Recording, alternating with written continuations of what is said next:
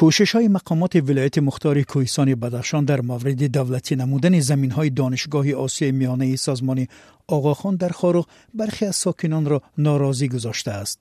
انتظار می رفت دادگاه عالی اقتصادی تاجیکستان عریضه دادستان ولایت مختاری کویسان بدخشان را در مورد دولتی نمودن زمین های دانشگاه روز دوازدهم ایول بررسی می کرد ولی هم دادگاه و هم طرف دانشگاه آسیای میانه به زنگای ما پاسخ ندادند که این مرافع با چین نتیجه انجام یافت.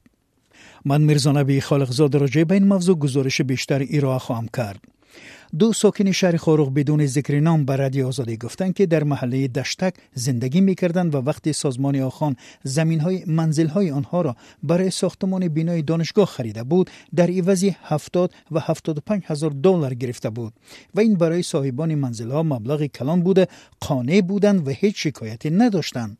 آنها می‌گویند دو هفته قبل نماینده های مقامات انتظامی و دادستانی آنها را دعوت نموده گفتند که وجه خرید و فروش زمین های منزل های آنها با سازمان آخان نادرست صورت گرفته است و می توانند دوباره شکایت کنند.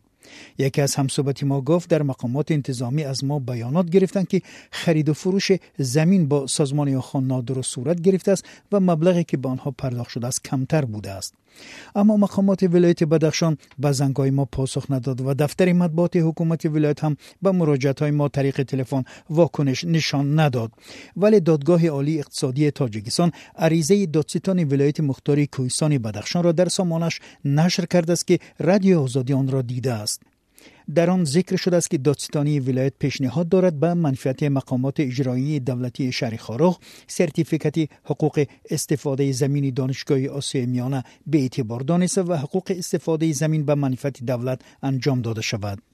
در سامانه دادگاه عالی اقتصادی تاجیکستان ذکر شده است که مرافع مذکور روز دوازدهم ایول صورت می‌گیرد ولی از نتیجه آن خبری دسترس نشد.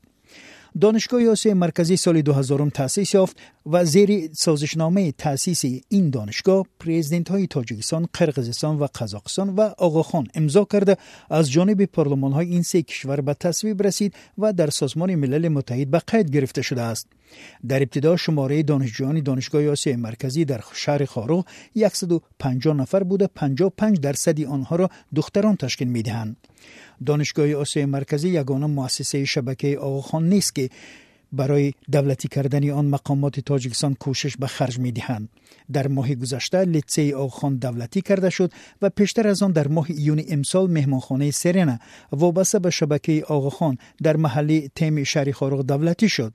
سالی گذشته باشد باغ مرکزی فراغتی شهر خارق را که زیر سرپرستی بنیادی آقاخان بود به مالکت دولتی تبدیل دادند.